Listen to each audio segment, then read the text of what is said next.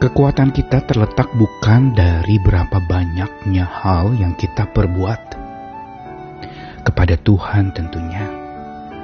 Dan keselamatan kita juga bukan berasalkan dari perbuatan-perbuatan baik yang kita lakukan. Tentu saja kepada Tuhan.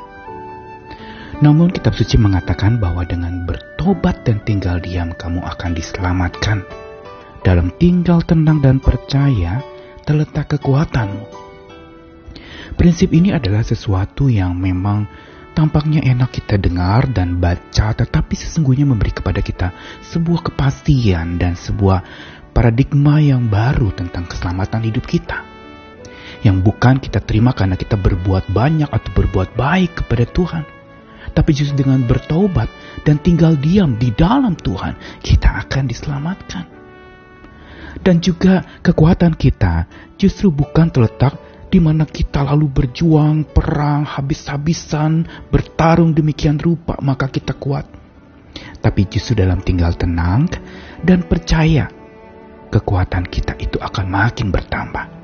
Makin bertobat, makin selamat, makin tenang dan percaya, makin kuat. Namun pertanyaannya, tobat yang macam apa yang sebenarnya dan sepatutnya kita miliki sebagai orang percaya kepada Tuhan?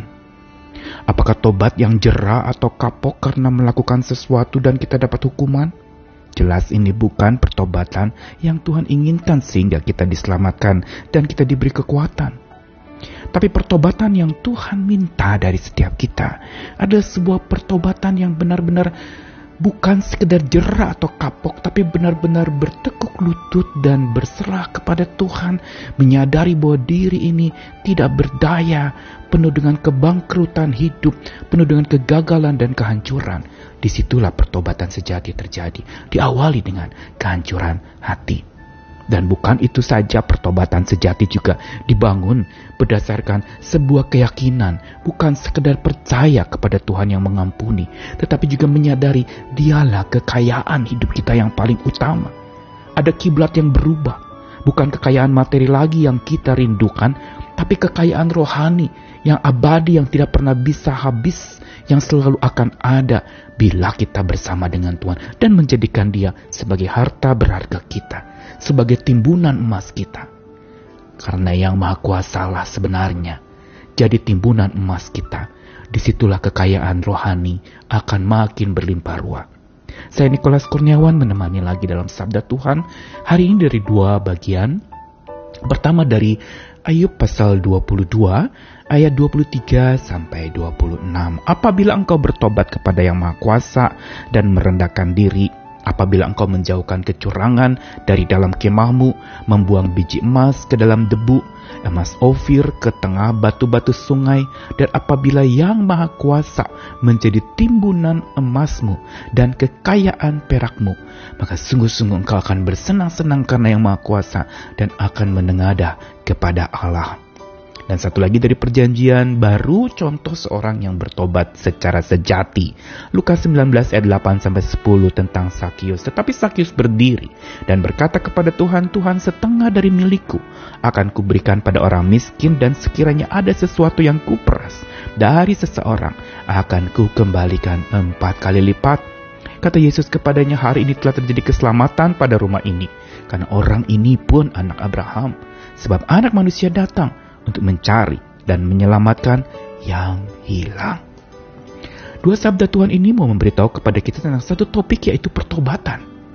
Dalam kitab Ayub ini diucapkan dan diungkapkan oleh Elifas salah satu teman Ayub yang ingin menghibur Ayub.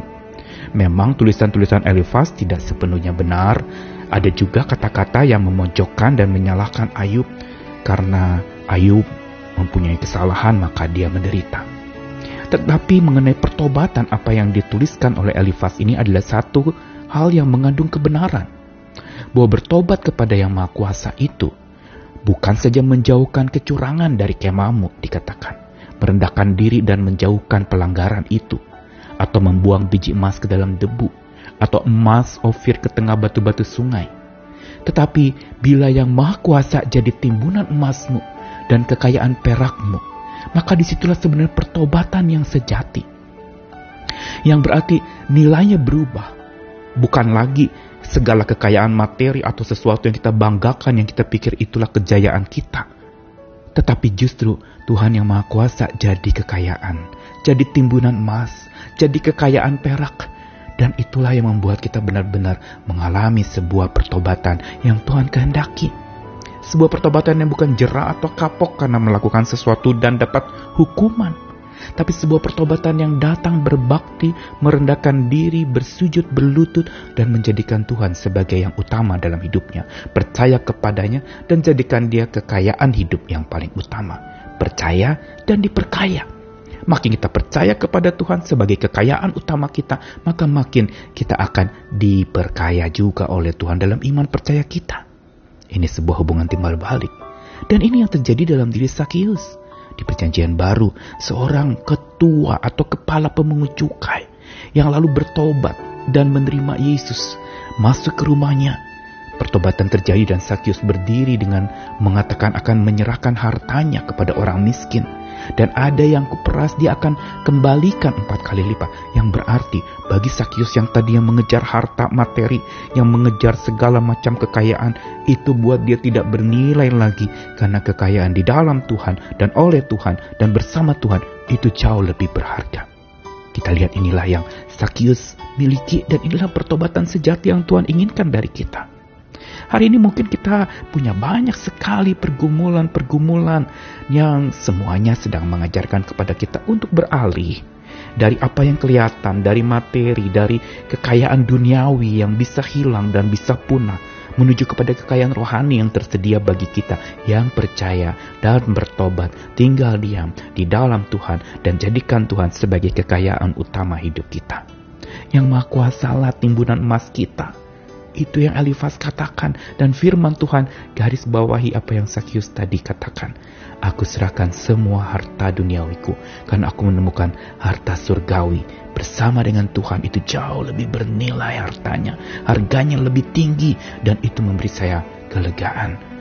Di situlah ada ketenangan, di situlah ada kekuatan, di situlah ada keselamatan. Hari ini pelajaran firman Tuhan mau menuntun kita kepada tobat sejati yang bukan saja menjauh dari kesalahan yang kita perbuat selama hidup, tapi menjadikan yang Maha Kuasa sebagai kekayaan utama di sepanjang hidup. Ayo bertobat, datang kepada Tuhan, makin dekat engkau akan mengalami kekuatan. Apa pun kelemahanmu hari ini, datang kepada Tuhan dengan hati yang bertobat Bertobat bukan berarti lalu kita menjadi malaikat yang tidak pernah berbuat dosa lagi, tapi bertobat dengan hati yang sungguh merendah dan mau berjalan, dipandu, dituntun oleh Tuhan, kekayaan hidup kita yang utama, timbunan emas kita yang paling berharga. Tuhan mengasihi kita sekalian. Kalau kita menghargai Tuhan, Tuhan lebih lagi dia akan menghargai kita. Tuhan mengasihi kita sekalian. Selamat menjalani hari-hari penuh pertobatan, kerendahan hati, dan berjalan bersama dengan Tuhan. Amin.